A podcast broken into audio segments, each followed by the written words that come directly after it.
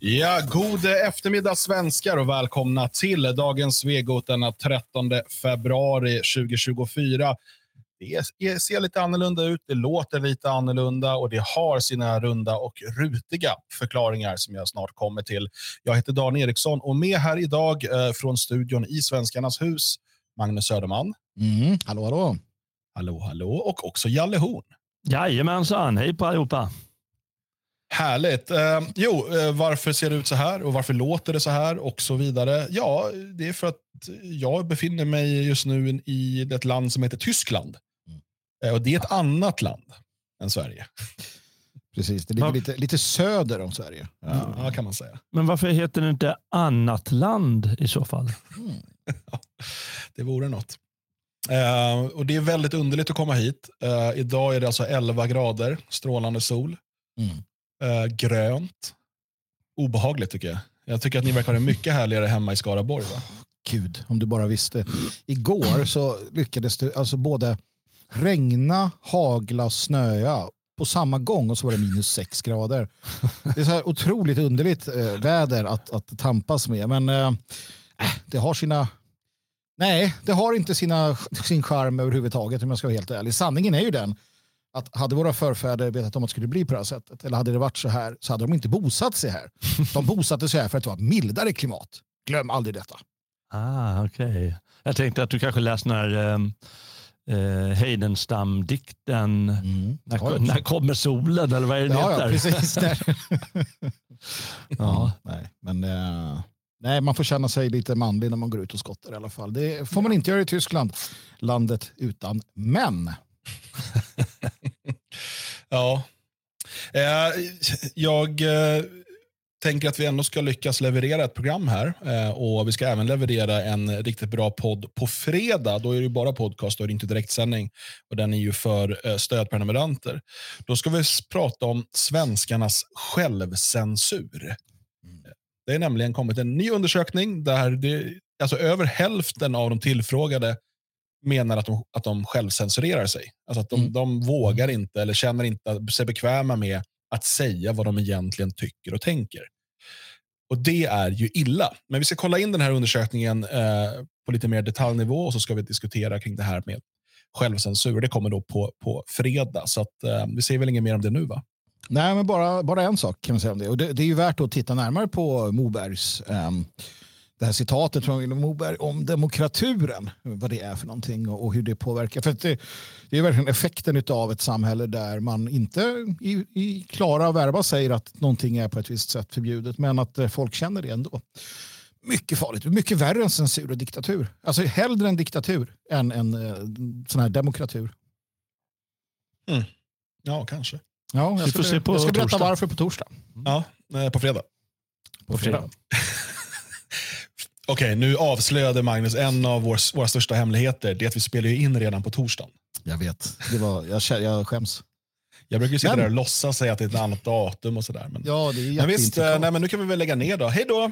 Ja, tack för oss. Uh, adjö. Ja, ja. Men jag hoppas ni har det bra hemma i Sverige eh, och att ni klarar er utan mig. Mm -mm. Det, det, Nej, det hoppas det jag går. Nej, det hoppas jag verkligen. Jag hoppas att ni inte klarar er utan mig. Det är det man vill höra ju. Ja, nej, men det gör vi inte. Vi saknar dig jättemycket, Dan Eriksson. Vi saknar dig. Mm. Eh, kan också bara konstatera att det just nu eh, målas och fixas både i Svenskarnas hus i Skåne och i Elgarås. Mm. Mm. Det, det är full rulle med att göra våra hus så fina som möjligt. Och ja, ni vet alla att det här görs bara möjligt tack vare fantastiska medlemmar som skänker av sin tid, och sin kunskap, och sin vilja, och svett och blod och tårar ibland till och med. Eh, och alla ni som också hjälper till ekonomiskt. Eh, senaste inköpet var väl igår eh, då det köptes in lite målarfärg och sådär. Så att, det behövs eh, hela tiden stöd för att vi ska kunna dels köpa de här husen och dels göra dem så eh, fina som möjligt så att de kan vara representativa svenskarnas hus. Så att, eh, se till att stötta husfonden på detfriasverige.se husfonden. Magnus, vad är det du har på kavajslaget där? Här, förstår du, har jag någonting väldigt fint. Eh, låt mig... Nej, det funkar inte. Nej, man får se på avstånd. Man får se på avstånd precis. Det är ju vår nya medlemspin som har kommit till oss en, en fantastisk pjäs. Härlig sån här, Eh, jag vet inte vad det heter, men man känner att den är liksom sådär eh, lite relief. Och eh, ganska lagom rejäl måste jag säga också. sticker ut lagom mycket och ja, som sagt kom alldeles nyss till oss här. Så det är vår nya medlemspin, de gamla då som du kanske har som, sen tidigare. Lägg den åt sidan, förvara den väl, spara den och så införskaffa en ny sån här rackare. Mm. Precis, de gamla medlemspinnen är ju slut helt mm. enkelt. Eh, så att eh, vi har tagit fram nya och snyggare eh, och liksom bättre kvalitet och alltihopa. kommer mer information till alla medlemmar inom kort om hur du kan få din alldeles egna. Mm. Um, men ska vi hoppa in på ämnena eller har ni något annat ni vill avklara först? Vad, vad, vad tänker ni här om att um, kriminalvården går upp i stabsläge? Men det tycker jag ändå är, är charmigt att man gör. Jag har aldrig riktigt förstått vad det där med stabsläge innebär. Det är att de jobbar ja. liksom, mer intensivt. Nej, bara punkt. Jobbar. Att, de, de jobbar. Och det är alltid bra om de jobbar. Eh, vad är det som har hänt den här gången? Det är lite för många människor på fängelserna? Eller är det någon som har ja, de har inte tillräckligt med plats för buset. Eh, och, eh, regeringen har väl sagt att man ska, man, man ska sätta in 35 000 i fängelse. Mm. Men att vi har 8 000 fängelseplatser. Just det, det skapar logistiska problem. Mm. Det är lite knepigt blir det. Frågan är då vad man kan göra. Baracker kanske äh, skulle vara någonting. Vi får nog se. Så bara ser man till att uh, utvisa uh, utlänningar som begår brott direkt och aldrig låter dem återvända till landet. Mm. Så slipper de ta upp plats och pengar här. Du tänker så du.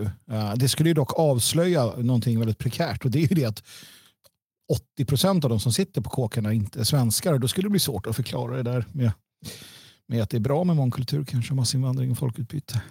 Mm. Jag vet inte. Ja. Kanske. Vi får se. Vi ska ju kolla in lite mångkultur här eh, den här första timmen av programmet. Eh, för att eh, som vi konstaterar i avsnittstexten, mångkulturen fortsätter imponera. Mm. Jag tänkte skriva implodera, men det gör den inte än. Det kommer sen. Och Det är ju otroligt egentligen när man följer det som händer och utvecklingen går nästan precis så som vi har sagt att den ska gå. Eh, vad som, mm. händer, vad som ska hända när man bedriver den här politiken. Det var väldigt lätt att förutse även för liksom outbildade tonåringar som, som vi var när vi började säga de här sakerna. Mm. Um, och uh, Dessutom hur det numera är så pass öppet vad som sker. Och Då tänker jag inte bara på att mångkulturen inte fungerar, att vi har etniska konflikter, att vi har eh, gängkriminaliteten och så vidare. Utan att vi faktiskt har ja, hundratusentals, om inte miljontals människor i Sverige vars lojalitet inte är till Sverige och svenskarna. Tvärtom eh, så ser man Sverige och svenskarna som något som inte bara kan, utan bör utnyttjas för att främja sin egen grupp. Och Det här mm. kommer vi se flera exempel på idag. Men och för oss, återigen, det är en naturlig konsekvens av den politik som har förts sedan 1975, eh, när man beslutade att Sverige skulle bli en mångkultur. Eh, det var så här vi visste att det skulle bli. Och möjligtvis att politikerna inte visste det, att de var för mycket i sin egen bubbla och inte kunde tänka utanför den. Eh, så som Anna-Greta Leijon eh, har konstaterat eh, att vi kunde inte veta att det skulle komma så många när vi öppnade gränserna. Mm. det, det, det, det, påminner mig om, vet, kommer ni ihåg, för ett gäng år sedan då var det ganska vanligt med artiklar om att någon hade lagt upp att de skulle ha en fest på Facebook. Ja, just det. Så kommer det 500 personer till festen. Eller mm. Och så är de jätteledsna sen. Så bara, men du kanske inte skulle haft ett öppet evenemang på Facebook. Mm. Sverige har ju haft ett öppet evenemang på Facebook sedan 1975 och fortfarande funderar på varför det fortsätter komma så mycket människor när vi säger mm. här är det fri mat, eh, det finns typ inga straff om du begår brott, eh, du kan liksom gör, bara sno pengar från oss, skicka till din klan hemma i Sahara. Allt det här finns, det står liksom öppet, eh, klicka ja för att komma. Behöver mm. inte ens göra det. Vi kan komma och hämta dig om du vill. Ja, ja. Och så bara, men varför kom de och hur kunde det komma så många? Mm. Mm. Underligt. Mm. Men vad de inte fattar, sådär som Anna-Greta Leijon, är att de, de, tror att det finns en massa eh, olika faktorer som kanske fungerade 1985 när hon lanserade det här. Att det skulle komma många och i efterhand tycker oj, vad var det som hände? Eh, men, men, allt förutseende handlar ju om att ja, men det kommer inte vara så här som det är 1985 alltid. Utan det kommer vara liksom andra saker runt om som påverkar oss och andra saker inifrån som, som gör det enklare. Och då plötsligt kan det där hända. Det behövs inte bara mm. de här stora skyltarna givetvis, utan det är liksom andra strukturer som har lättats upp och ändrats och så vidare. Blivit tryck från omvärlden och så vidare och då sitter man där plötsligt. Mm. Mm. Så därför man alltid måste vara försiktig och tänka 30-40 år framåt. Jo, nej, men det, det är klart. Det, det, har väl varit ett av de stora problemen. Men det är ju, det är ju kritiken mot den liberala demokratin eller den moderna demokratin om du så vill generellt sett. Det är att demokratin i sig med fyra års intervaller, vi hade alltså en gång i tiden tre års intervaller i landet. Mm. Mm. Det, det, bygger ju på att du eh, tillfredsställer folkets eh, liksom behov väldigt, väldigt omgående. Det finns ju inte en människa som kan eh, få till en vettig förändring eller hållbar förändring på, på tre, fyra år. Det var ju därför som eh, Caesar vart inte han diktator på så här, tio år eller någonting. Att man, eh, man valde liksom eh, ganska mycket längre perioder på något sätt när man väl valde eh, och inte bara fick någon så att säga. Men mm. det är ju mm. samma sak med monarkier och så. Om du har en kung som sitter i 30 år då har han tid att ja, men liksom, skapa någonting varaktigt på ett helt annat ja, sätt. Men, men det säger också ganska mycket om, eh, när du, när du pratar på det här viset, om eh, vår tids politiker. Anna-Greta Leijon 1985, mm. hon hon tänker ju att ja, men om det kommer invandrare kanske det kommer ett par tusen då. Mm. Ja, då kan vi höja det till 4 000. hon kan ju inte fatta, givetvis i sin hjärna, 100 000. Då skulle hon säga nej men det är omöjligt. Mm. Givetvis 1985. Fullständigt omöjligt skulle hon säga. Och där har vi suttit i 20 år snart. Mm. 100 000 om året. Eh, och det visar ju vem är det som inte kan föreställa sig vad som kommer att hända? Mm. Och Det är så man har lurat svenskarna. För svensken tänker också att för fan, det kan väl inte hända.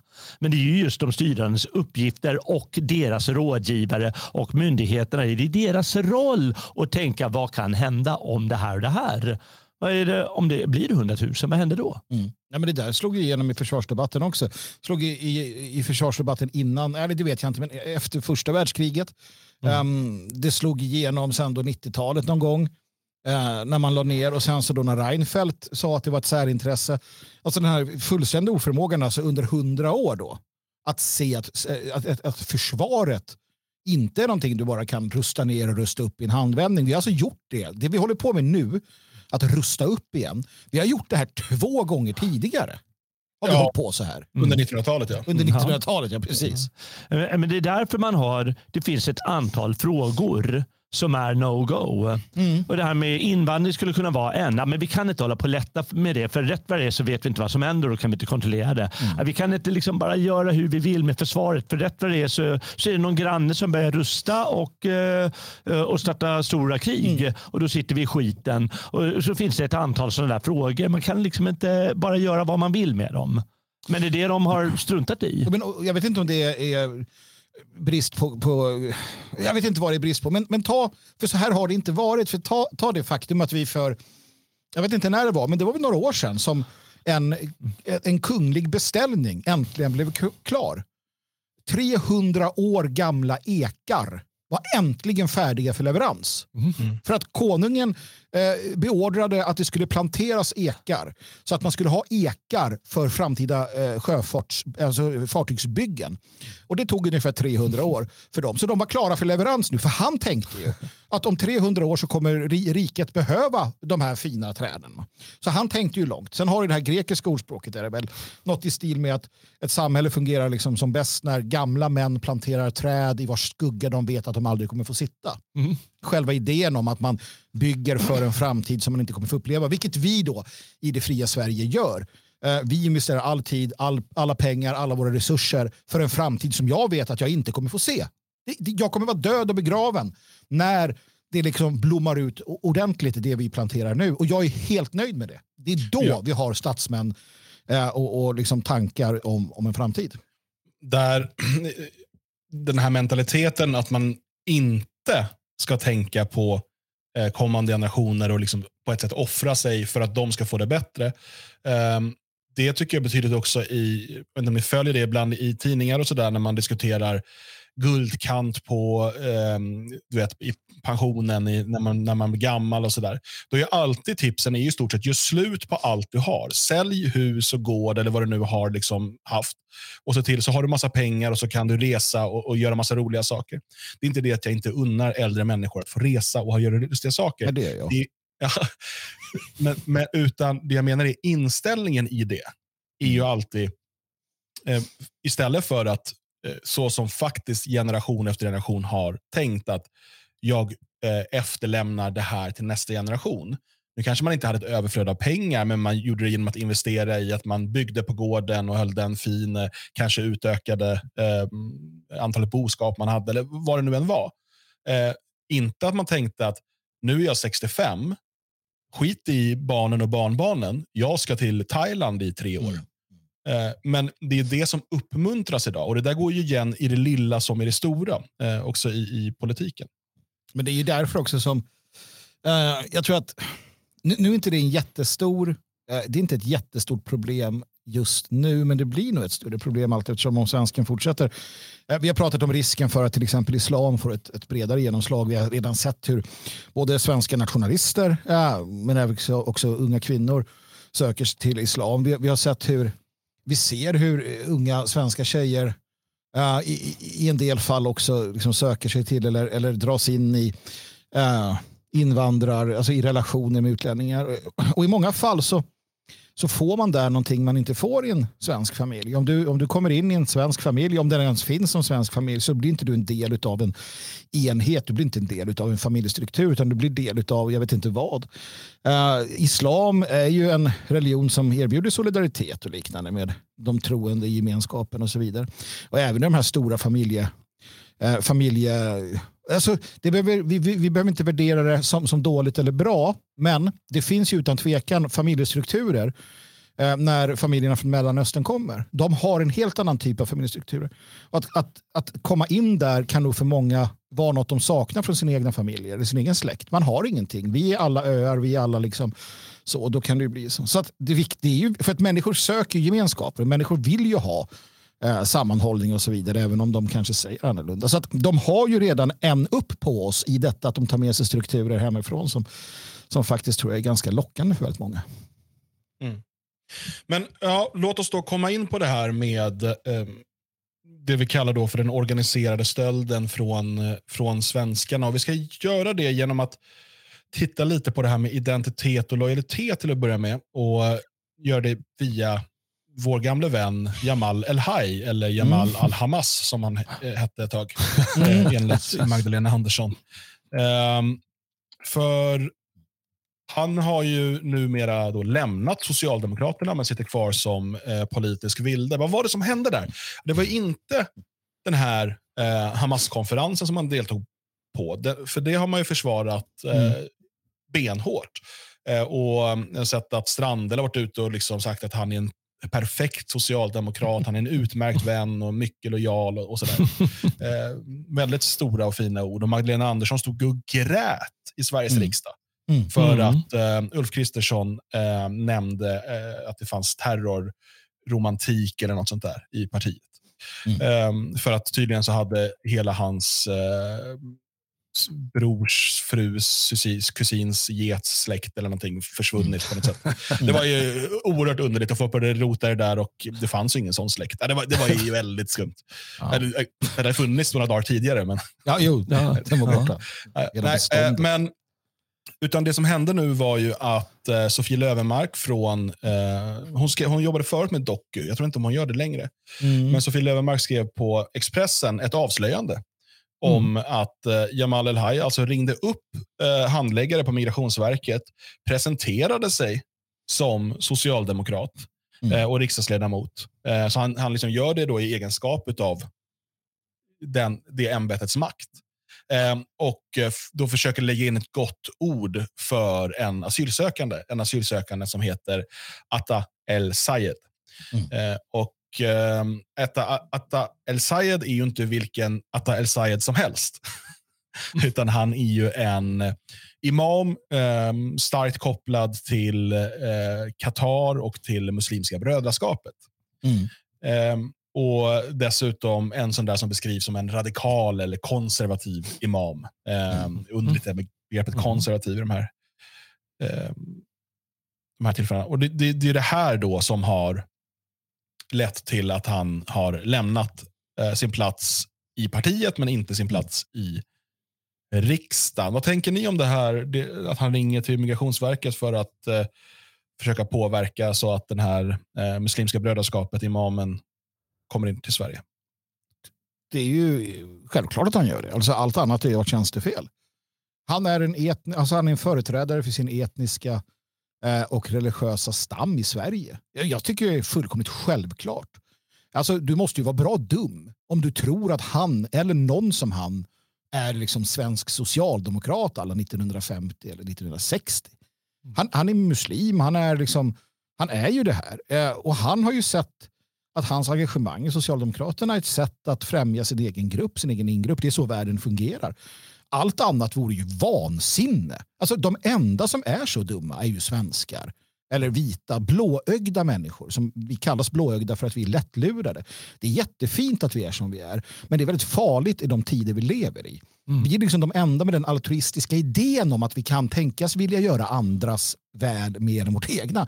Han är inte sån. De är inte såna. Och, och det gäller ju alla de här som har infiltrerat Centerpartiet, Vänsterpartiet, eh, Sverigedemokraterna till del också säkert.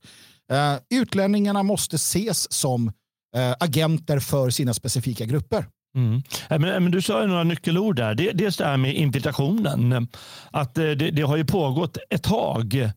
Kanske inte i, som du sa, 50 och 60 sa det där. Men, men de senaste 30 åren i alla fall har ju uppenbarligen pågått en infiltration av det svenska samhället. Eh, Framför allt från eh, länder i Mellanöstern eller framför allt tillhörande eh, olika muslimska klanstrukturer, får vi kalla det för. Och det ser vi ju nu med den organiserade brottslighet bland annat. Men, men även på, på det här sättet, politisk infiltration. Och du sa tidigare, kan det ha varit så att eh, ja, men det kommer in en enstaka gubbe, han har försvenskats, han, har, eh, han inser att ja, men min roll här är för min del att bli sosse och då blir jag socialdemokratisk politiker. Men senast sedan då ett antal år, låt oss säga 30 åtminstone, så, så är det inte så.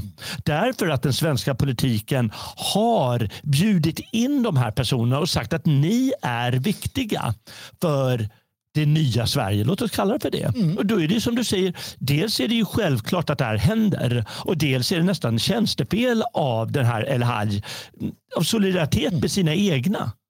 Att göra det. Han säger ju till och med själv i sitt, i sitt brev där eh, som han har lämnat in angående att han ska vara kvar i riksdagen. Eh, att eh, alla mina beslut och ageranden har handlat om att efter bästa förmåga arbeta för svenskt välstånd och säkerhet och för ett fritt och demokratiskt Palestina. Om vi glömmer den första delen, för ett fritt och demokratiskt Palestina och sen lägger till nästa del som han inte säger och för eh, låt oss säga muslimska brödraskapet. Ja, men visst, visst. Det är helt självklart. Jag menar, vi borde ju ha, eh, tyvärr inte skattekocken eh, med oss. Eh, jo men han sitter ju där. Just det, hej skattekocken. För att det finns ju någonting här som, som heter då eh, skattkistan. Alltså svenska skattkistan som staten förfogar över. Och där finns det, eh, om jag frågar skattekocken, finns det oändligt med medel eller finns det en ändlig, liksom eh, ändligt med medel? Du är sån nybörjare på det här. Det finns oändligt med medel. Man trycker bara nytt. Ja, just det. det är jättelätt. Eh, det var ju, konstaterades ju här efter coronafarsen eh, att eh, det var ju många som sa det, men varför trycker vi om vi ändå kan göra det, bara trycka ännu mer pengar. För de börjar ju bara dela ut pengar i USA till folk. Här, 2000 till er, 3000 till dig. Eh, så att det finns oändligt mycket pengar, faktiskt, i Mm. teorin. Men eh, problemet är att de hela tiden tappar i värde. Eh, alltså de blir mer och mer värdelösa ju mer man trycker av dem. Just Så att det finns inte ett oändligt värde bakom pengarna. Nej, så är det ju.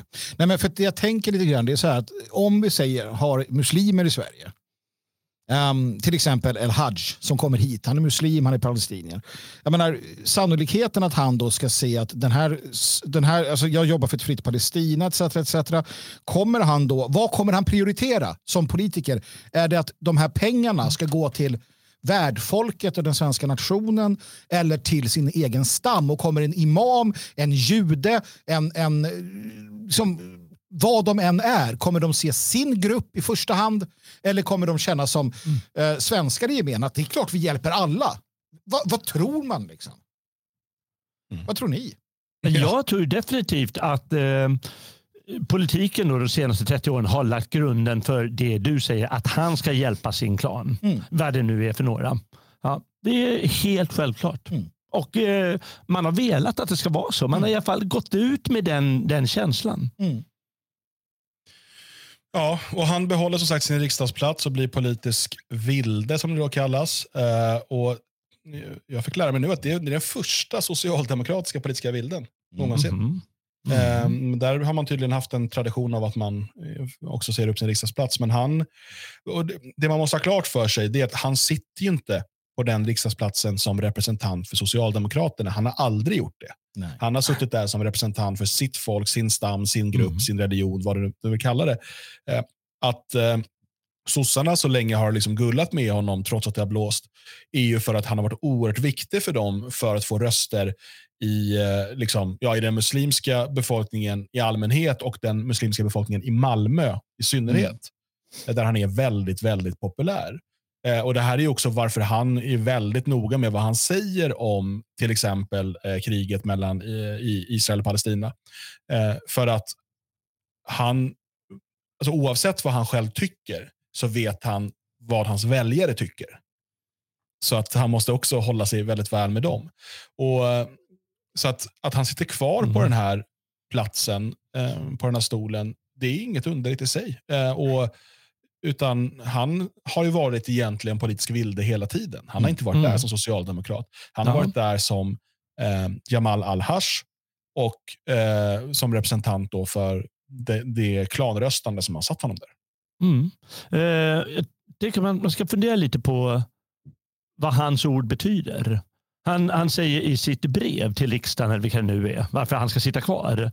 Då säger han att i striden mellan sanning och lögn finns en kritisk punkt när lögnen är som störst och sanningen når sin yttersta prövning. Jaha, vad det nu innebär. Med dessa ord vill jag informera om att jag lämnar Socialdemokraterna eh, men och så vidare att han ska sitta kvar i riksdagen.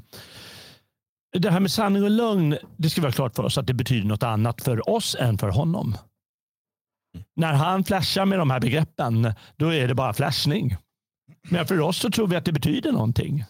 Mm. Jag tror att det finns en väldigt, väldigt, väldigt stor eh, skillnad med vad han kallar sanning och lögn eh, och vad, eh, vad, vad, vad vi till exempel skulle tycka sanning och lögn är. Det är helt mm. att det är så. Och en annan sak som jag måste ändå säga, det är att jag blev alldeles till mig. Jag blev alldeles till mig av att eh, det här är första gången som Socialdemokraterna råkar ut för en politisk vilde. För det här innebär mm. ett, alltså det här är någonting helt nytt. Det här är ett stort avbräck. Det här är alltså en historisk händelse. För första gången så får socialdemokratin känna på mm. vad det innebär med det nya Sverige som de har varit med att bygga. De har alltid kunnat hantera detta. Det, det här maktpartiet har kunnat ha den här strukturen. De har haft sina egna, alltså de har en egen säkerhetstjänst i partiet för att jaga rätt på folk som tänker annorlunda. Alltså, det, här är, det här är kanske Sveriges mest utvecklade maktparti. Um, och de, de drar sig inte för någonting. Men också denna bastion håller på att falla nu. Och de vet inte vad de ska göra. För det här har aldrig hänt tidigare. Och det här är det nya Sverige. Det här är den nya tiden. Till och med Socialdemokraterna står handfallna. Eh, deras deras liksom schackrande och kohandlande och dagtingande med de muslimska minoriteterna alltså via Broderskapsrörelsen nu, 30 år senare, så, så, så, slår det igenom. Och de vet inte vad de har hållit på med. Titta, eh, titta Botkyrka där de, där de, och på andra ställen där de har aktivt, de har aktivt stöttat gängkriminella. De har aktivt slagit sig i, i, i, i liksom, eh, lagt, eh, slagit sig i lag med med alla möjliga och omöjliga typer av extremister och, fundamentalister och kriminella. Eh, och det har de gjort för att behålla makten. Och när man gör det, när man gör allt för makten, mm. förutom att göra det folket vill, Utan man gör allt annat. Till sist så, så biter den arslet. Och det har det gjort. Och det gör det på eh, Magdalena Anderssons vakt. Och det är så hon kommer bli ihågkommen. Mm. Eh, det, är, eh, det, det kommer bli svårt för, för Socialdemokraterna. Ja, det kommer bli. I alla fall om sådana eh, journalister som Sofie Lövenmark fortsätter göra sitt jobb och belysa det här. För Jag tycker det är väldigt viktigt vad som, eh, vad som händer. Socialdemokraterna de är väldigt upprörda över den här eh, El Hamaj. Nu plötsligt väldigt, väldigt upprörda. Eh, och vad är det de säger? Eh, de säger att det är ett oacceptabelt agerande av den här El Haj och ytterligare ett bevis för att han sätter sina egna intressen före partiet. Oj, det har de insett. Mm. Den som inte är medlem i Socialdemokraterna kan heller inte ha någon plats i, i deras riksdagsgrupp. Men de säger ju inte vad han har gjort. De säger ju inte att han har, gå, han har ringt upp eh, eh, vilka var det, var det Migrationsverket mm. eller vilka var det, och sagt att den här personen ska komma in. Det är ett uppenbart eh, fall av korruption från den socialdemokratiska, låt oss kalla det ledningen nästan, ja, där han tillhör. Mm. Där de ska där han faktiskt har begått... Alltså det, det är ju det som äter sönder eh, riksdagen sådana handlingar. De måste ju säga att det här är fruktansvärd korruption som vi har varit delaktiga mm. i. Men det säger de givetvis inte. Men det är väldigt bra att Sofie Lövenmark gör det och jag hoppas att det är många som fortsätter på den, mm. eh, den vågen. För, för det, det är oerhört viktigt. Och att det är just det han som har gjort det. Det ska man aldrig glömma. Mm. Det är framför allt han som gör en sån här handling. För han drar sig inte för det, eller hur? Nej, nej, nej. nej, nej. Jag menar, ni måste väl förstå, kära tittare och lyssnare och, och vad det nu är. Uh, det är ju inte första gången El Hadj gör det här. Nej. Eller någon, någon liknande honom. Det här är ju så de gör. Det här är så de jobbar. Vi vet sedan många, många år visselblåser på Migrationsverket om hur aktivistisk den organisationen är. Men de här, uh, de här uh, liksom riksdagsledamöterna, titta på politikerna i Södertälje och kopplingarna till, till nätverket. Här. Titta på hur det ser ut i kommunerna. Sverige är ju genomruttet, eh, även om det inte har synts kanske på ytan. Och det har blivit, eh, det har blivit det på grund av massinvandringen och mångkulturen i allt väsentligt. Sen har vi haft liksom en, en röta med socialdemokratin och så vidare. Men, men, men eh, som sagt, alltså att, att en riksdagsman ringer till en myndighet för att påverka dem att, att släppa in en, en radikaliserad eller en liksom, ja, eh, muslim, islamist. Alltså det borde vara brottsligt. Eh, det borde vara att, att eh, avkräva honom eh, medborgarskapet, kasta ut honom ur landet. Det, det är ju direkt, alltså det är högförräderi. Det är ju, jag kan använda de mest kraftfulla orden i detta. Han borde naturligtvis inte ha varit här. Och vi borde som svenskar aldrig tillåta en främling att sitta över oss. Vi kan inte acceptera främlingar som chefer på våra företag. Vi kan inte acceptera dem som lärare åt våra barn. Vi ska inte acceptera dem som politiker, vare sig på, på liksom låg eller hög nivå. Om man sätter främlingar att härska över sig så blir man svansen som de kommer att trampa på. Mm. Det är inte svårare än så, det är den naturliga lagen.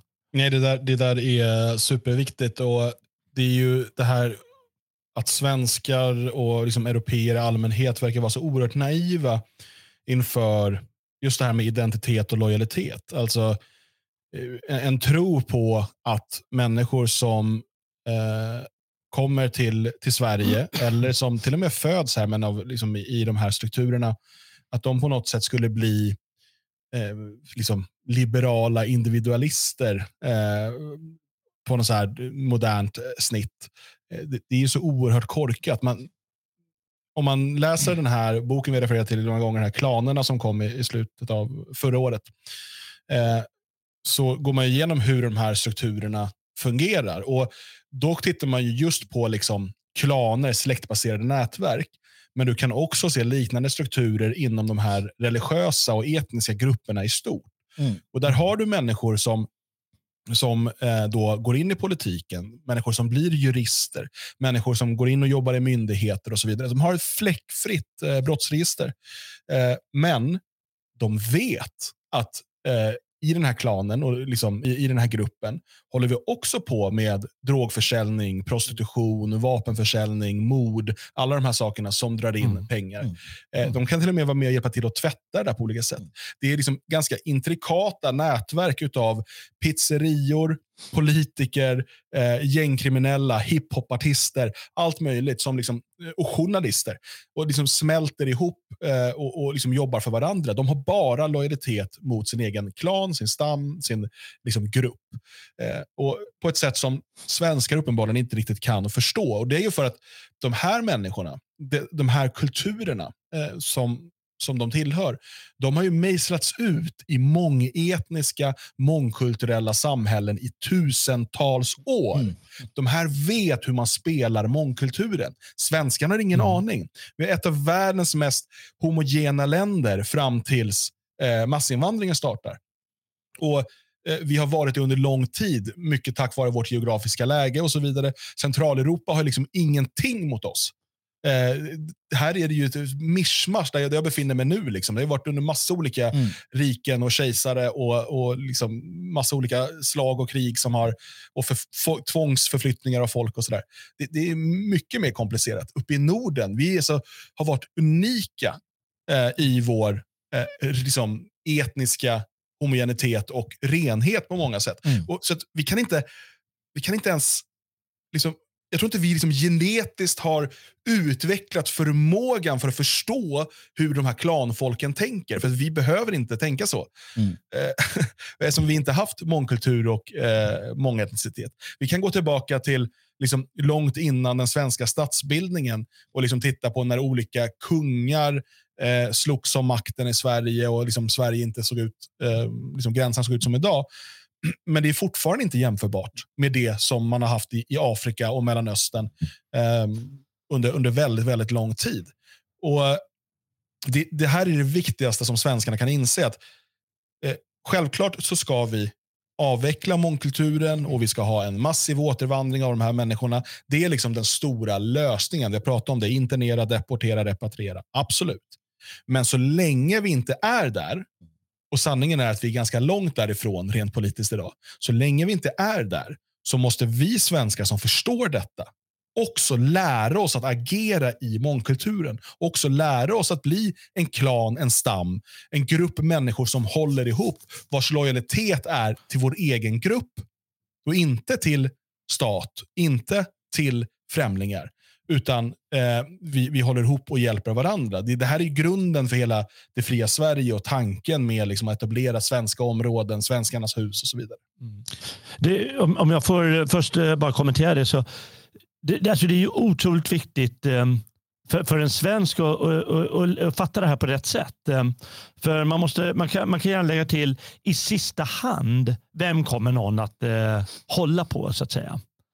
Och eh, för, för alla tänker, ja men vadå? Han på jobbet, de är ju hur sköna som helst. De är ju jätteschyssta och så vidare. Men när det blir skarpt läge, vem kommer Ali då att hjälpa? Kommer han att hjälpa låt oss säga, eh, eh, behöver inte vara sin familj bara, utan det kan vara kusinens eh, eh, kriminella nätverk säger vi. Eller kommer han att hjälpa kompisen på jobbet?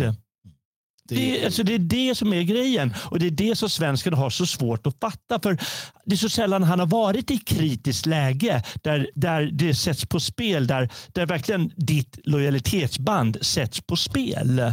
Men de har antagligen varit i den situationen flera gånger eh, i sitt liv. Särskilt som de har kommit hit, familjen, eh, som, eh, som flyktingar eller som, som migranter på något sätt. För då, då tvingas man ju spela, okej, okay, ska vi verkligen bryta upp härifrån? Ska vi verkligen ta de här besluten?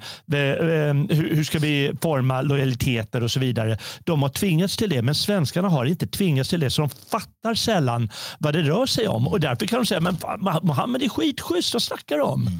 Ja, men så, så, där är det ju. Jag menar, har man varit Uh, har man levt uh, lite på, uh, alltså varit, varit ute på gatorna lite grann när man var yngre kanske och liksom konfronterats med det här, då, då inser man ju också ganska snart att man är väldigt ensam som svensk bland svenskar.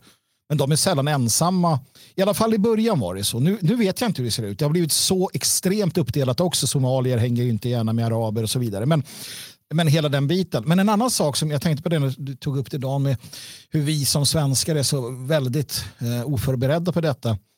Uh, jag gillar ju att läsa liksom, äldre litteratur. Det vet jag att ni också gör. Och jag har bland annat en bok hemma som, som, som uh, en sån här dag för dag-bok med tankar från uh, vår litteratur genom tiderna. Um, så intressanta citat att, att, eh, att fundera över som man kan liksom ha. Och det jag inser är att allt som våra liksom, ungdomar förr läste, eller vuxna för den delen, allting handlade om att sätta plikten framför sig själv. Det handlar om att tjäna folket framför sig själv. Det handlade alltid om att, att hålla tillbaka det egna, dina egna behov, dina egna lustar, dina egna allting skulle liksom eh, sättas bakom folket, familjen, nationen, traditionen. I varenda, littera, i varenda liksom, eh, som, som, det fanns ju naturligtvis annat i litteraturen också, men det som man förde fram det som man liksom såg till att du hade på citat på läroverken eller i de böckerna eller allting. Allt handlar om att fostra, eh, fostra liksom medborgarna, folket till att bli sådana som, som eh, ställer upp för varandra, som ställer upp för nationen eh, och som sätter det, det allmännas bästa före det egna. Det har vi ju helt slutat med också. Allt sånt är ju liksom borta sen sen länge. Uh, och, och, Det är den här liksom, eh, individualistiska, vi pratar om ungdomarna som hyperindividualister. Eh, den, de, de kombinationerna gör ju att vi är helt oförmögna att stå emot det som händer. Ja, men det finns en annan liten dimension där och det är när du säger det allmänna bästa.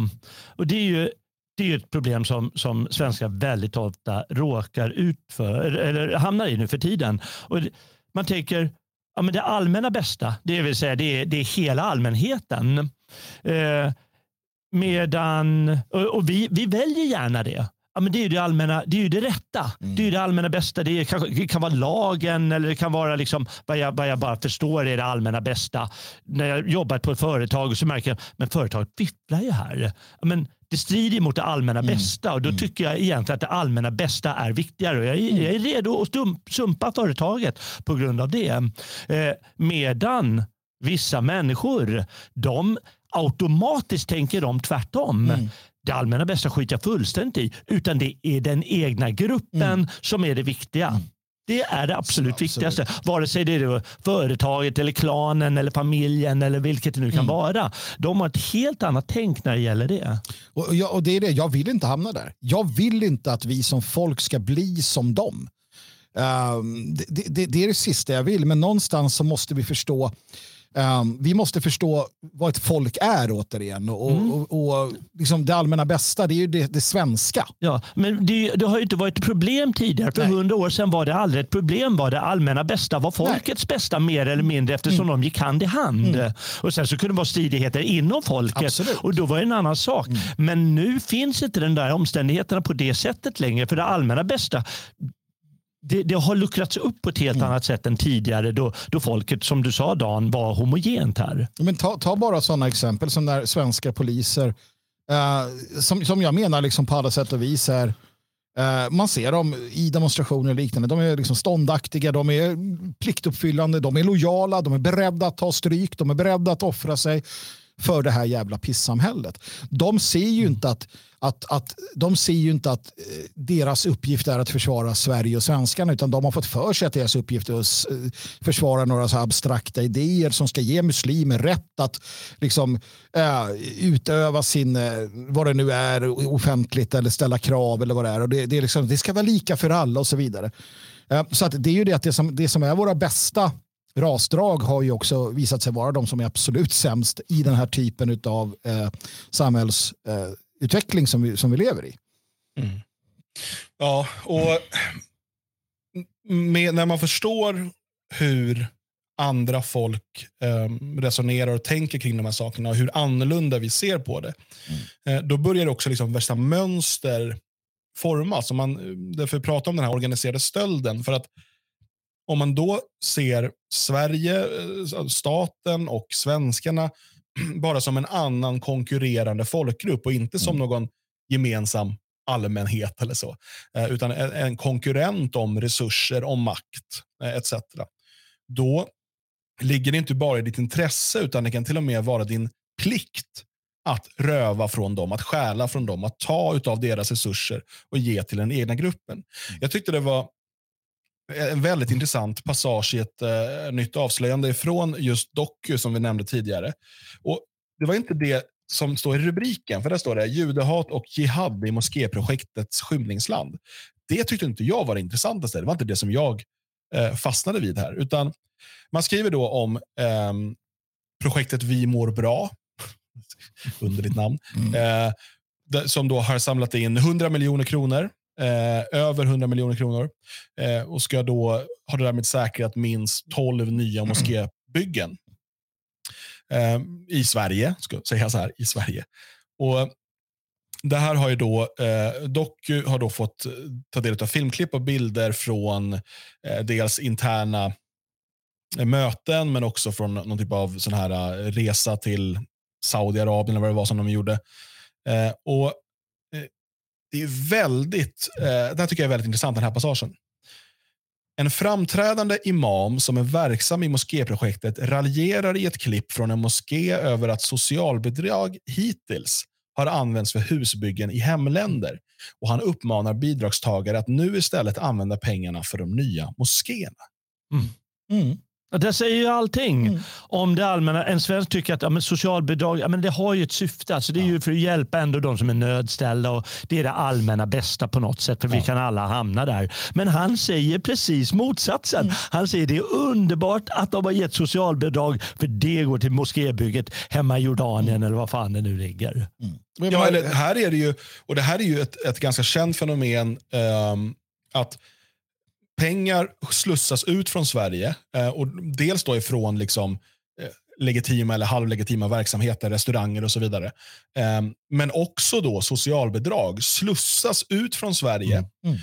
till eh, de här hemländerna där de bygger värsta lyxhusen. Det Mm. finns ju helt eh, barocka bilder från de här städerna, eller byarna som växer fram med riktiga lyxhus. Och De som bor kvar i de här länderna, de ser ja, men det är från Sverige. Här, är, det där, är en, där vet man, där bor det någon som, som har åkt till Sverige. För då Mm. blir man sådär rik. Mm. Och Ofta så är det då att de får socialbidrag, jobbar svart eller håller på med kriminell verksamhet.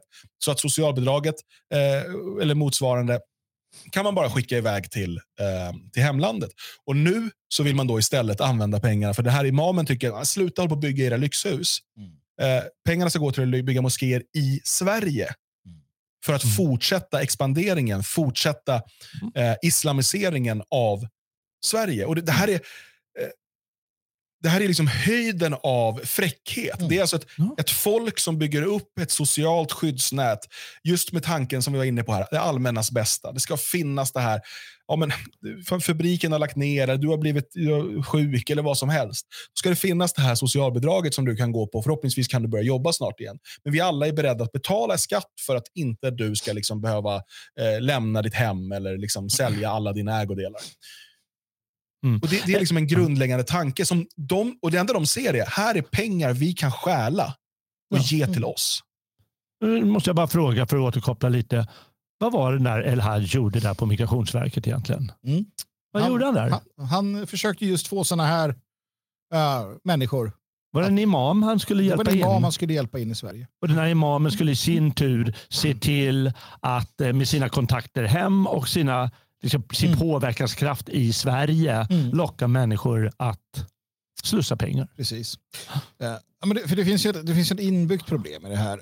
Eh, och det är, ju, det är ju den liberala eh, demokratin naturligtvis och dess ordning. Uh, framförallt lögnerna om rättigheter. Och, och svensken har ju, och det vita västerlandet har ju så att säga sugit i sig det där. Och det bygger lite grann på Magna Carta och de här idéerna om att, att det ska vara rättvist och så här.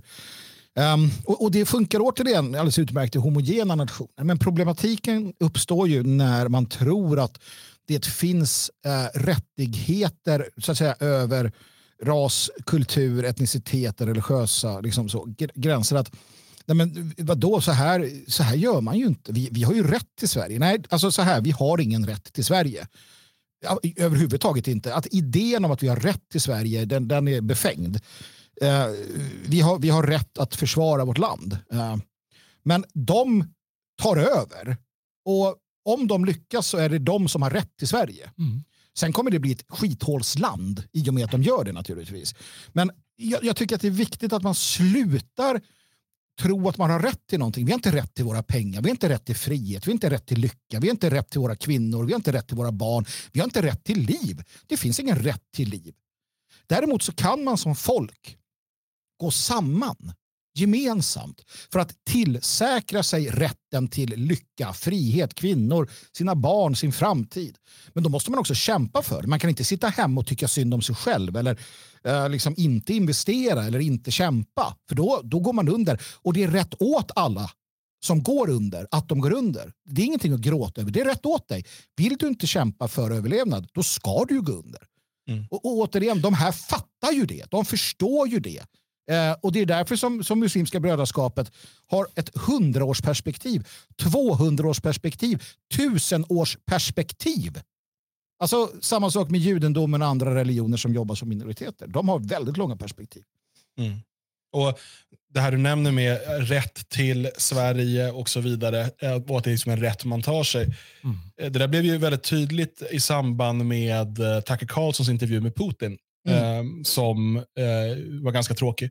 men, men eh, där, för att han börjar ju eh, som bekant med en halvtimmes eh, utläggning av eh, mm. rysk historia så som, så som han ser den. Och då var det lätt att göra sig lustig sen och säga, ja men tänk om Tyskland skulle göra, tänka likadant, eller mm. Sverige för den delen. Vi skulle ju då kunna, Sankt Petersburg, va? Det, ja, Ryssland är svensk. Ja, ja, för att, historiskt sett så har det varit vårt, eller vi byggde mm. det, eller vad som helst. Um, och jag, som sagt, tyskarna skulle ju ha, jag kan säga att Centraleuropa skulle bli kaos. Uh, men, och varför, uh, men varför kan Putin säga så då? Jo, för att i slutändan så handlar det om att han tar sig rätten. Mm. Om han säger att Ukraina är, eh, finns inte, det är en del av Ryssland. Mm. Eh, Ukrainarna kan säga nej, nej, men vi finns, vi existerar, vi vill vara ett eget land. Men kan de inte sätta kraft bakom det och försvara mm. sitt land så kommer Ryssland kunna ta det. Mm. Och då har mm. Ryssland rätt till det. Mm. enligt mm. naturens lagar. Mm. Så, så enkelt mm. fungerar det. Allt annat är saker vi har kommit överens om på liksom papper och så vidare. Att ja, men de här ska respektera de här gränserna. Men det är bara eh, mänskliga påhitt på pappret. I slutändan eh, så gick det mycket bra att tvångsförflytta miljontals tyskar mm. från Öst Ostpreussen till exempel eh, in, i, eh, in i väst eh, efter andra världskriget. Och det, det, men det finns massor av sådana exempel eh, genom tiderna. Mm. Men, och, och, Det är precis som att när européerna eh, kommer till Amerika, eh, det finns andra liksom indianstammar där och så vidare. Européerna tar sig, eller tar landet, tar det och mm. därmed har de rätt till det. Mm. Men när européerna nu har importerat massvis med afrikaner, och araber och asiater som i sin tur eh, kommer bli majoritet i Amerika, i, även i Nordamerika. Mm. Då kommer de ha rätt till landet. Mm. För de kommer ha tagit den rätten genom att på lång sikt haft en bättre strategi för hur de ska kunna ta makten. Ja, och Det är samma sak här. Mm. Svenskarna mm. har inte rätt till Sverige. Vi måste ta oss rätt till Sverige. Mm. Våra förfäder tog sig rätten att skapa det här eh, landet och försvara det och eh, kultivera det och så vidare. Det är den här biten eh, som, som den moderna människan helt har glömt bort. Ja, det där är jätteviktigt att de moderna glöm, människan har glömt bort det här. Och det är att för att manifestera den här styrkan. Det går ju inte med en handfull eh, starka personer utan det måste finnas någon andlig grund. När du säger att eh, Sverige, eh, det är vår rätt eh, att eh, ha Sverige så säger ja, men om det kommer in några starkare eh, så, och klubbar ner oss, då, då kommer de ja, då kommer det bli deras rätt. Men det kommer inte lyckas så länge vi har en, en andlig känsla för att det här är vårt. Nej, det är det. Va? Och det är det som har då luckrats upp då de senaste mm. låt oss säga 100 åren. Ja. Men vi kan säga de senaste 30-40 åren i synnerhet. Eller sedan 1975 om vi tar det eh, i lagen, i grundlagen. Att då gäller inte det här längre. De visar till och med på tv att nej, men det var ju mörkhyade som var här lika mycket. Vi har inga, alls, inte alls den här andliga rätten till vårt land. Och då är det svårt för folk att, eh, att ta sig och mm. använda den här rätten. Putin kanske lyckas då för att ja, men det är tillräckligt många ryssar som tycker det. Ja. Och eh, jag har ändå en stark militär och där mm. tycker de definitivt det är de flesta. Men så fort den grunden, den andliga grunden inte finns där, då kommer det givetvis eh, ryssarna torska kriget sådär. Men ta då Jamal El-Haj eh, som sitter i Sveriges riksdag där han har arbetat för Palestina. Vi hade den här vänsterpartistiska eh, eh, Åbäke tidigare som eh, arbetar för kurderna. Alltså, Ja, vi har alla kommit överens om en gång i tiden att i Sveriges riksdag så sitter man om man arbetar för Sveriges bästa. För det är våra företrädare, folkets företrädare. Eh, de har lite olika idéer om vad som är Sveriges bästa. Vissa vill ha högre skatter och mindre och så vidare. Men de har alla varit svenskar och för Sverige. Men helt plötsligt så började vi släppa in människor som kommer från helt andra platser och säga att de här ska också sitta här och företräda någonting. Eh, vissa kanske eller trodde att de skulle företräda Sverige, det har de inte gjort. Men om inte Jamal El-Haj och andra släpas ut och ställs inför rätta som förrädare, ja, men då har vi ju visat att det är okej. Okay. Det är okej okay att sitta i Sveriges riksdag och arbeta för främmande folk och främmande grupper. Om vi ställer dem till rätta och dömer dem för högförräderi, ja, då har vi visat att det inte är okej. Okay. Men det kommer vi inte göra och svenska folket kommer tyvärr inte kräva det. Det är otroligt mm. viktigt det du säger. Jag skrev upp det i programmets, upp, eh, programmets inledning. Vi pratade någonting om öppenheten. Alltså, öppenheten är jättebra, att det sägs saker. Men det är också farligt. För om, om, om det står överallt, ja, El Haj begick de här brotten, eh, eller för jag ser det som ett brott ja, eh, och så vidare. Men om det inte nämns som högfärgeri eller om man inte gör något mm. åt det. Vi har ju sagt allihopa, ja det var så. Och så gör man inte. Vad händer då? Jo, då vänjer man sig ju vid att det var okej att han gjorde det där mm. ändå. Det var ju OK. Okay, han fick mm. lämna sossarna, men han sitter ändå i riksdagen ja. och det rullar på som vanligt. Alltihopa. Ja, visst. Och man måste hela tiden påminna folk om vikten av det här. Vikten av högförräderi ja. i det här fallet. Mm. Eh, att han har begått högförräderi mot Sverige mm. och skälet till att han gjort det är att han ställer andra folk före svenskarna. Mm. Det är inte svårare än så. Han måste på något sätt hängas ut på det sättet. Mm. Eh, eh annars vänjer vi oss vid det och när vi vänjer oss vid det, då godkänner vi det. Ja. Då säger vi det var lugnt det du gjorde. Mm, precis. Så mm. nästa kille, okej, okay, du mm. också och du ja. också och du också. Samtidigt hos den svenska medelklassen, vad händer där? Jo, nu gäller det att vi visar solidaritet med gängkriminella. Mm. Alltså det, det, det, här är ju, eh, visst, det handlar om ett fåtal personer som är liksom man hör i media och så vidare. Det är inte så att vi har sett hundratusentals eh, uttala sig så här. Nej. Men det är väldigt talande för eh, den svenskfientliga delen av vår befolkning. Mm. Mm. Att när, eh, när man då pratar om de här visitationszonerna som ska införas, och vi ska väl prata lite om det också, men, eh, och, och, man då nämner, för att man, då ska man kunna visitera människor utan brottsmisstanke i de här zonerna. Mm. Eh, och då eh, nämner att eh, ja, men man kan till exempel se vilka kläder som har på sig. Om man har kläder som är vanliga för i de här gängkriminella miljöerna eh, så kan det vara liksom någonting som gör att ja, men den här personen bör vi kontrollera nu. Um, och Då nämndes eh, fejkade, av någon anledning, jag vet inte, Gucci-kepsar. Um, och då har medelklassvänstern här gått ut med Peter Hellman, han den här bedragaren som mm. låg bakom som var advokat för det här uh, fotoföretaget som skickade en massa svenskar till Kronofogden. Och så där. Det var bedrägeri av stor, stor skala. Eh, eh, att de ska också köpa Gucci-kepsar nu i solidaritet. Mm.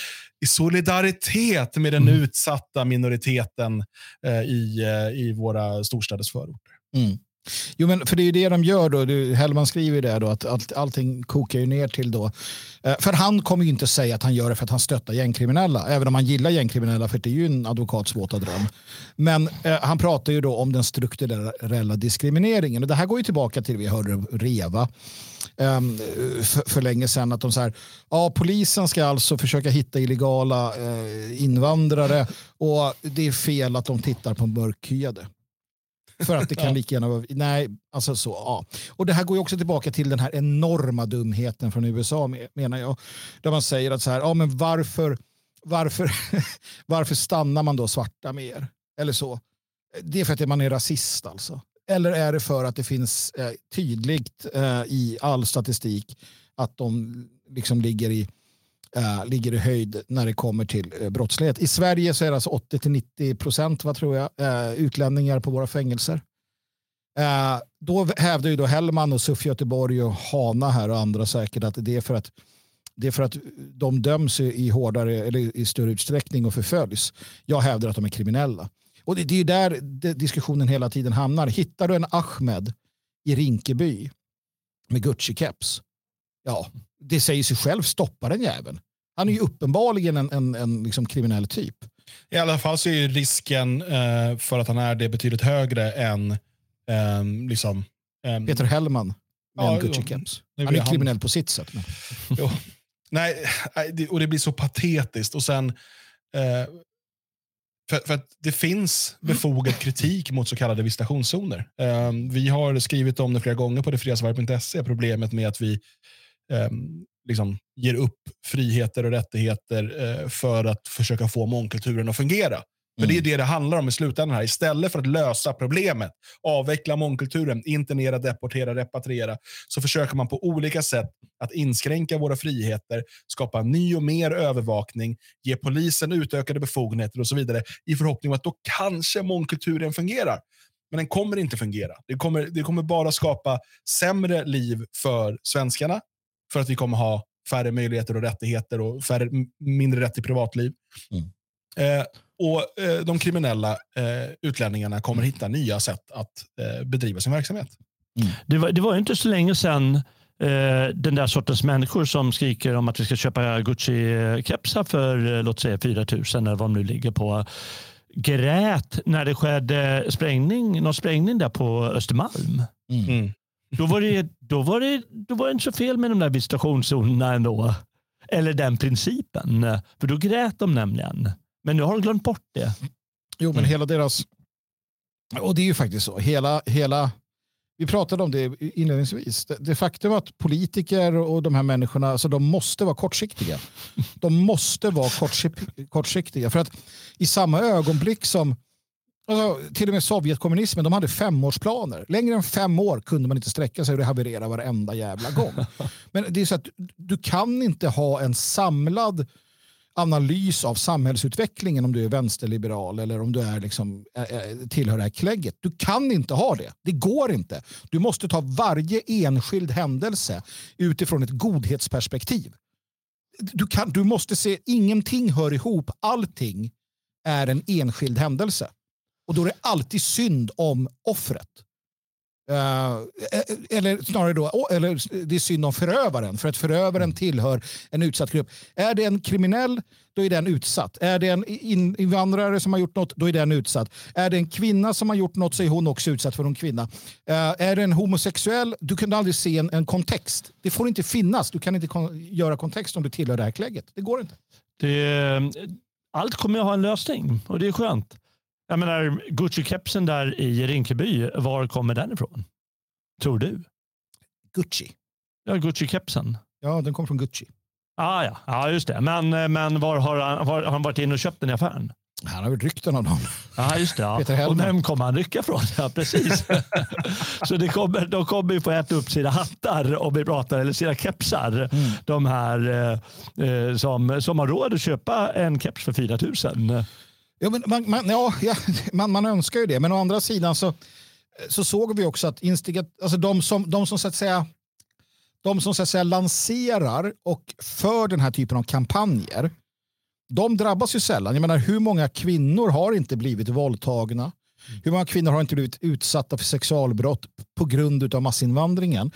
Eh, och liksom de människorna som står bakom de här kampanjerna fortsätter att stå bakom kampanjerna och göra sina då systrar till, till bytesdjur. Och de har inte, alltså sådana som Peter Elfman, de har inga Uh, alltså de bryr sig inte om konsekvenserna. För de, de ser dem inte antagligen. Utan de lever återigen i, i eh, liksom, ja, just nu är det det här med kepsar och då är det det. Uh, och, och, nästa gång är det någonting annat. Och man ska alltid välja det utifrån godhetsperspektiv. Mm. Ja. Ja, som sagt, mångkulturen fortsätter att eh, imponera. Eh, mm. och eh, Jag kan inte nog understryka det att um, så länge mångkulturen eh, är ett, en realitet i Sverige, och tyvärr kommer den nog vara det för en ganska lång tid framöver, um, så är det så oerhört viktigt att vi svenskar förstår att vi är ett av många folk i Sverige. Inte för att vi vill att det ska vara så, utan för att det är så. För det är bara då vi kan också kan ha ja, gruppevolutionära strategier. Mm. Hur vi uh, kan göra det så bra som möjligt för oss, för vår grupp, för vår familj i ett samhälle som kommer bli allt mer balkaniserat uh, med etniska enklaver och etniska konflikter. Och Jag är övertygad om att det redan nu, redan igår, så måste svenskar börja organisera sig som ett folk, en klan, en stam, kalla det vad du vill. Och Det är det vi gör i det fria Sverige. Det byggs bit för bit.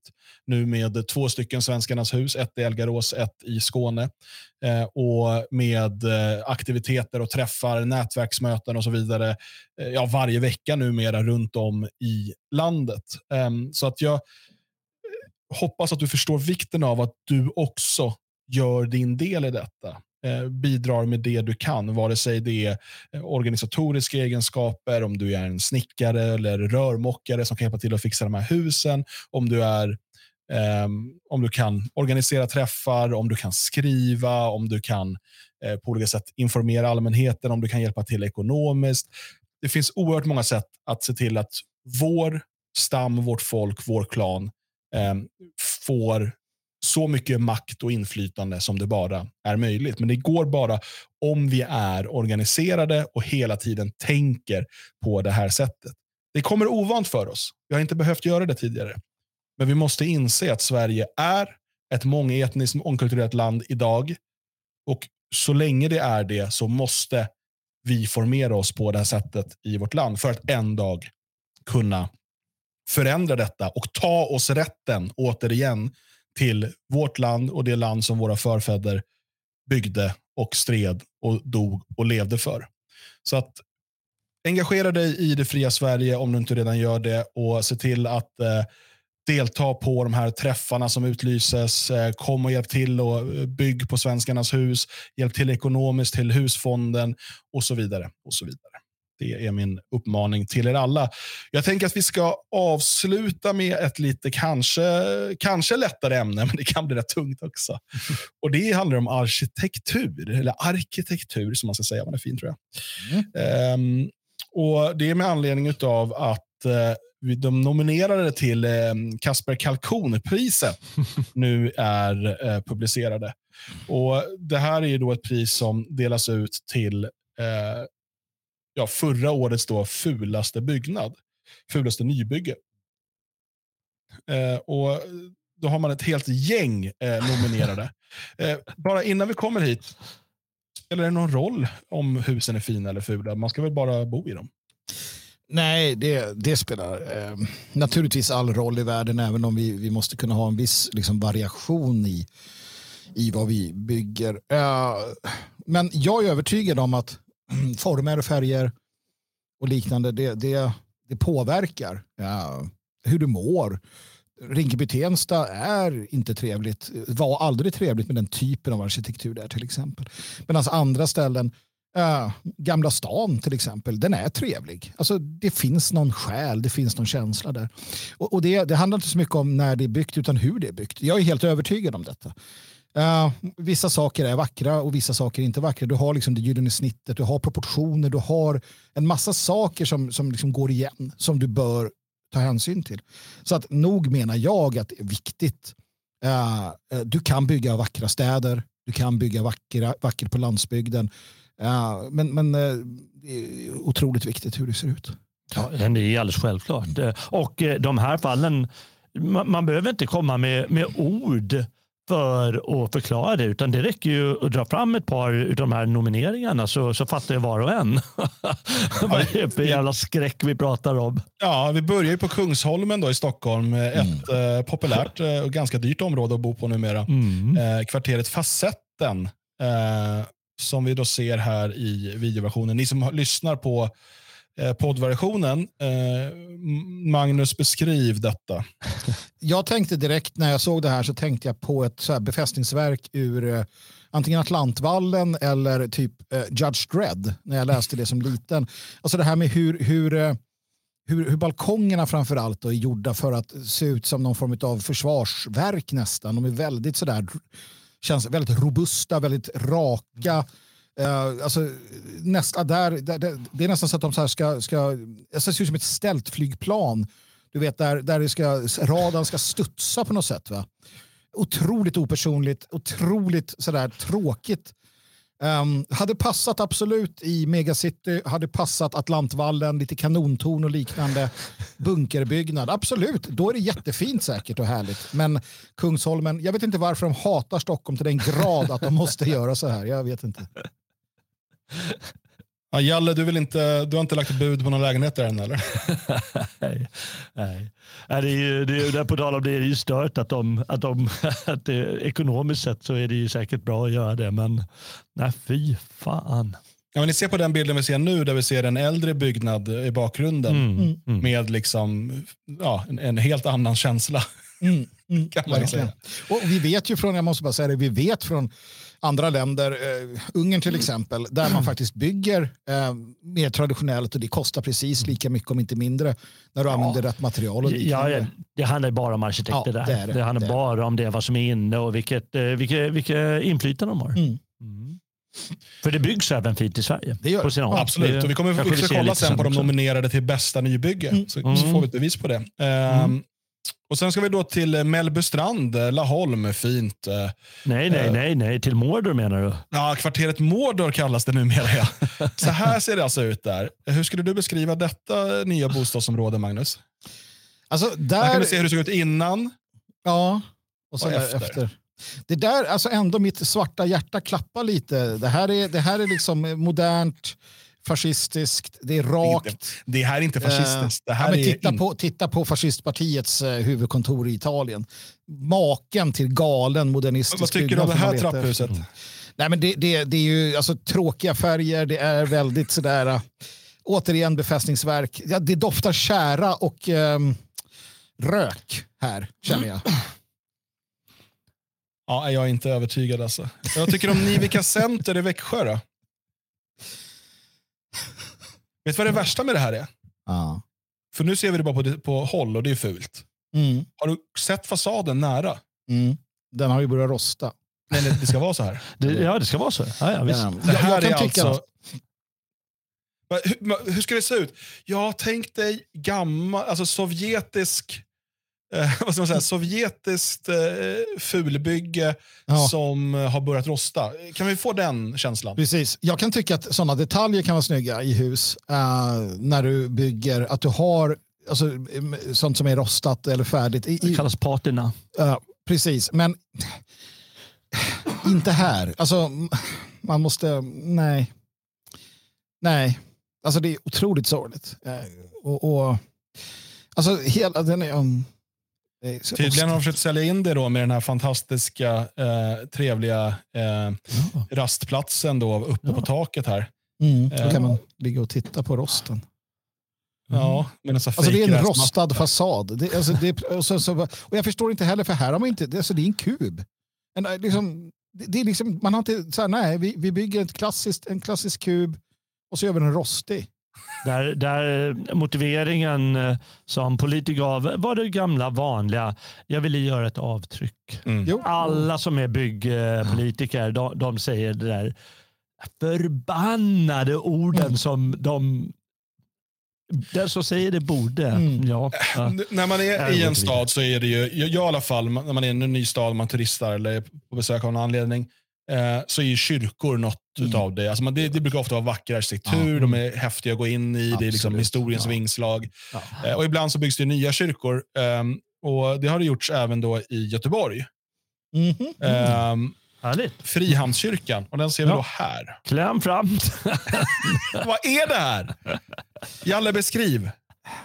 Ja, jag vet inte. Det ser, det ser ut som liksom någon, så här, någon har misslyckats och gjort en, någon sorts kaka som blev, först blev den fyrkantig istället för rund. Och sen så skulle de hälla på någon sorts glasyr och misslyckas de så det bli som en jävla smet över den. Alltså, eller så har de lagt på någon på en kub som ser ut som ett fängelse först. Va?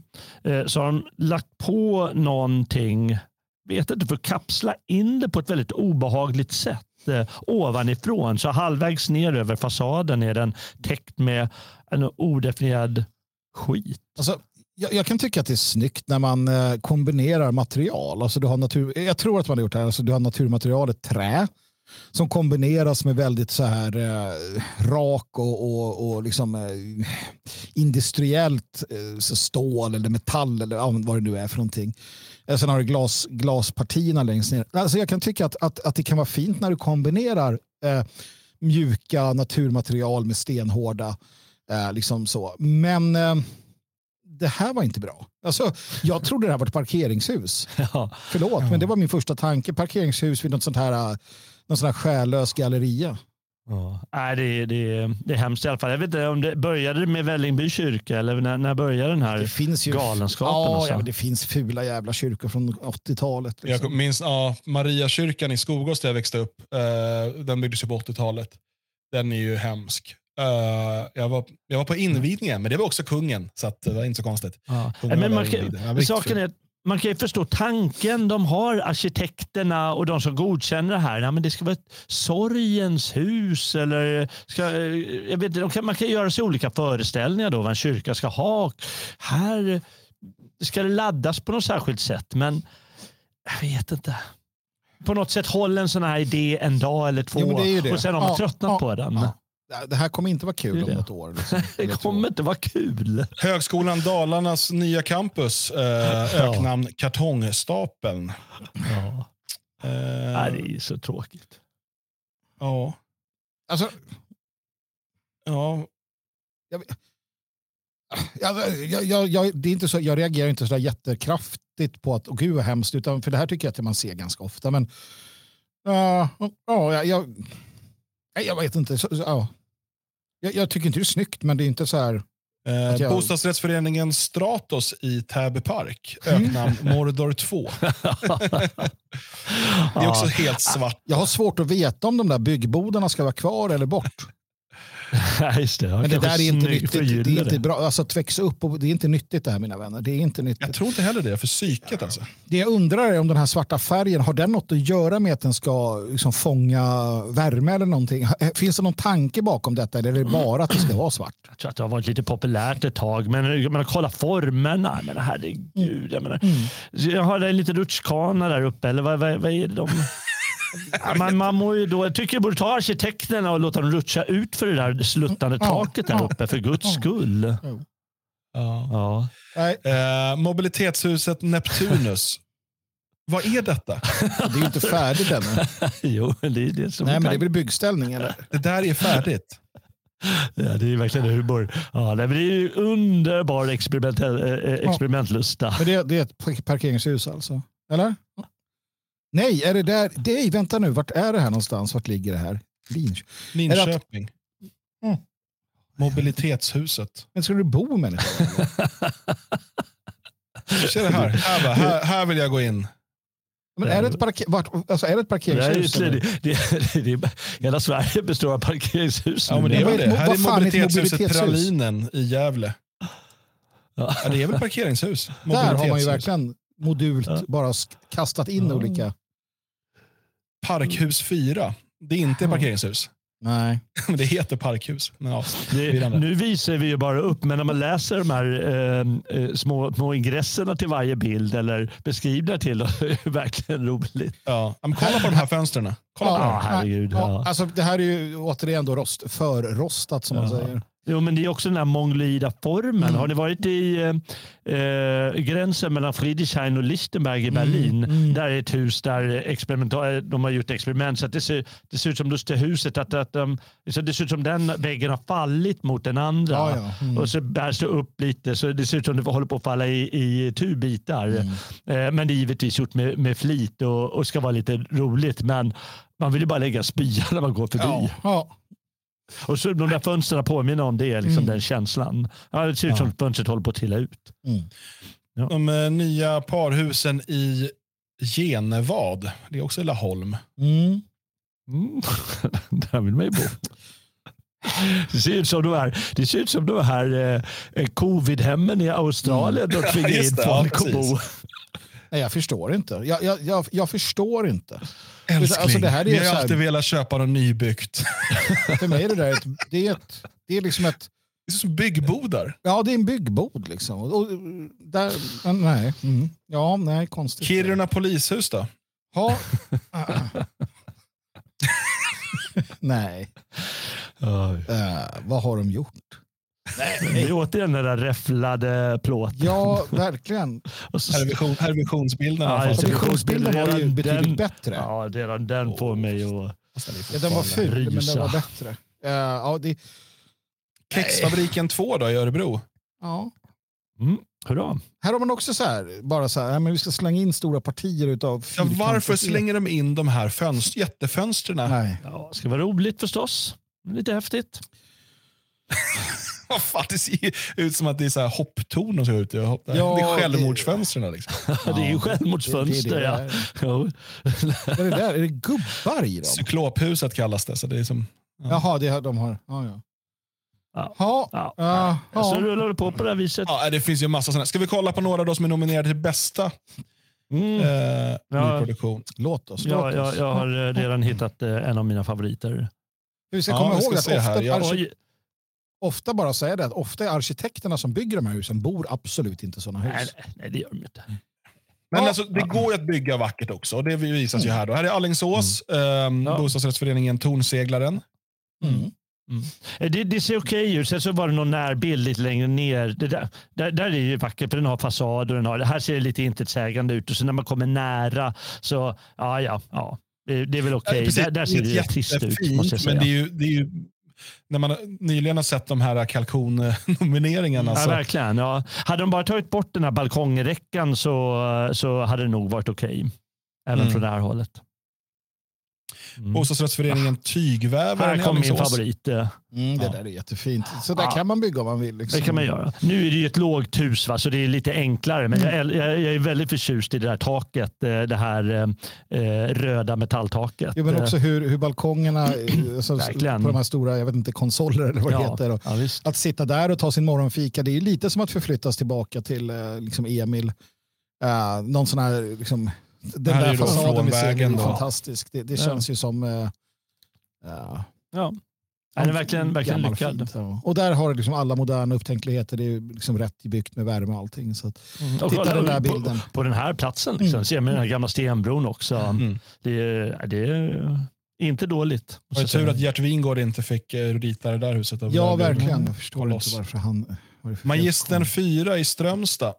Mm. Eh, Också ett litet sånt där, jag tycker i och för sig taket vart fult på den där. Men, Mm. Alltså, jag- den här alltså- tycker inte jag, den här är jag inte speciellt eh, fascinerad av. Det är klart att det, det är liksom, det är sånt där som jag skulle säga, det, där- det där är okej skulle jag säga. Liksom, Mm. Ja, det är väl okej. Men det är ja, liksom nej, jag har inte, inget. Jag, jag tycker vare sig bu eller bä. jag det är så, så. lite kantigt också. Så här. Det finns inte så mycket, ja, jag vet inte. Eh, den här är ju rolig, franska busskuren. Det är alltså då Hans Christiansen. Han eh, har ju då tidigare gjort det engelska busskuren. Han tycker bara om att göra det fint där han bor. Mm. Mm. Ehm, och eh, Så att han har ju då sett till att göra en busskur mycket trevligare. Mm. Mm. Ja, jag har inga invändningar, utan det är väl trevligt. Ja. Mm. Ja. Mm. Ja, det är kul, för busskurer är ju eh, sällan kul. Nej, precis, precis. Eh, Så det är trevligt. Stadsporten i Nacka. Ja, Jag, det, det där tycker inte jag är särskilt snyggt om man ska vara ärlig.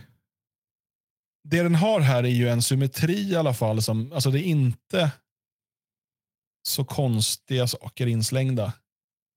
Eh, däremot så är det kanske lite för halvbrutalistiskt för min smak här. Jo, nej men... Ja, Lite svårt att se lite närmare och se vissa detaljer och så vidare. Det är, man får ju tänka på att det är ett, eh, det är ett, eh, det är ett stort hus. Alltså Det är ju Ja. stort med, med kontor eller med eh, som lite köpcenter eller vad som helst där. Och då, det, det blir en helt annan, när man har dimensionen så, så måste man arbeta annorlunda och tänka annorlunda. Mm. Mm. Man bedömer dem. Slottshusen i Näsby park. Ja, ja.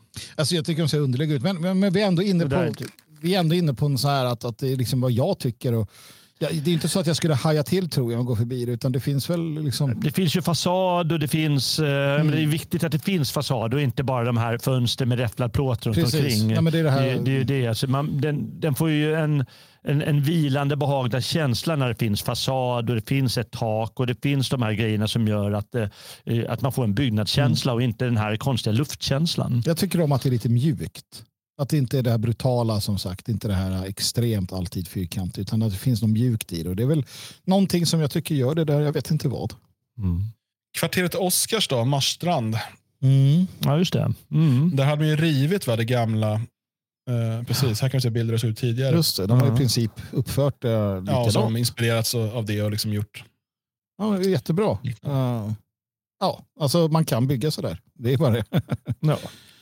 Folkskolan, det här gillar jag. Ja, det, här ja, det är ju härligt, eh, det. är ett bostadsområde då, som kallas för Folkskolan. Mm. Mm. Eh, och Det är ju den känslan igen där att mm, det känns lite... Ja, nej, men det är välgjort, det, det måste jag säga. Det, Mm. det, det, det är ju ganska enkelt, men, Mm, ja. eh, men det är välgjort. Va? Man, man, man får en, en, en ganska harmonisk känsla där. Mm. Järntorgsgatan x Brogatan. Eh, nu kommer det här lite brutala men det här, kan, här tycker jag det funkar Jag tycker, det med är snyggt. jag tycker det är snyggt. Det, jag vet inte de här varför. massiva stenarna och Ja, sådär. Det där är snyggt. Precis. Eh, Det är någonting som gör att, jag vet inte om det är varianterna där med... Nej, snyggt är det. Det där är snyggt. Konstigt. Mm. Sista vi kollar på här då, Cap Caprea.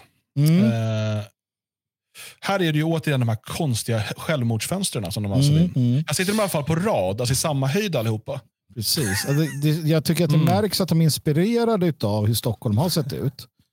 Alltså Ja. hur huset, förutom de där självmordsfönstren så är det ändå en känslan går igen i hur Stockholms, de där, tycker jag. Alltså när man går, den, den sticker inte ut. Ett, ett sånt här eh, utskjutande parti är ju inte annorlunda än att man vill skapa dynamik i fasaden på ett Mm. särskilt sätt. Det är väldigt vanligt i då liksom barocka hus. Mm. Eh, eh, och det kan ha sin angenäma känsla men den bör vara lite dekorerad i så fall. Här blir det ju mer att den, är, eh, den ser lite ser ut som ett självmordsfönster som säger när, det- när det inte gjort bättre än så. Ja, man kan ju då gå in och rösta i båda de här eh, tävlingarna. Mm. Ehm, så, eh, det, och det gör man ju inne hos eh, arkitektupproret då, på arkitektupproret.se. Eh, så jag tycker man sånt där är kul. Så in och rösta på vem som ska få kalkonen. Ehm, Ja, ja, absolut. Mm, ska man vara delaktig. och vem som ska få den andra, vad det nu är, kanonen kanske. Kanonen Mm. kalkon, kommer ni ihåg det? Mm, Nej. Nej, det var det viktigaste på TV4-sporten en gång i tiden. Mhm. Mm, just det. Eh, fint, hörni. Eh, det gick ju det här trots att jag befann mig i exil den här veckan. Eh, det kommer Ja. en fråga i chatten där. Vad gör, varf- varför är Dahan i Tyskland? Ja, varför är du i Ja, Tyskland? det kan man fråga sig. Jag tänkte kolla om jag kunde bli fängslad. Ja, ja nej, men det skulle vi nog kunna hjälpa dig med. Eh, nej, jag, jag är här eh, över sportlovet och hälsar på min frus familj. Mm. Eh, och igår var det fasching eh, och svärfar hällde i mig ohemulliga mängder. Nej, det ska jag inte påstå. Men jag är inte Jo. van längre, jag börjar bli gammal. Så nu är jag trött. Men eh, vi jobbar på va? Mm. Ja, det gör vi absolut. Det här blir så bra så. Det blir, så bra Det så. blir bra. Hörrni, på fredag kommer en podd för er som är stödprenumeranter och då pratar vi om svenskarnas eh, självcensur. En ny eh, undersökning som visar att eh, mer än hälften av svenskarna eh, självcensurerar sig. Mm. och vi ska prata om det, vi ska titta närmare på den undersökningen och fenomenet i sig. Om du vill ha tillgång till den podden och alla andra poddar och dessutom stödja arbetet med Dagens Svegot då blir du stödprenumerant på svegot.se support. Nu återstår bara för oss att eh, önska en eh, fin tisdag. Så syns och hörs vi snart igen. Det kommer inte bli någon outro-låt för att eh, jag har inte tillgång till den på det här mixerbordet. Tack och hej.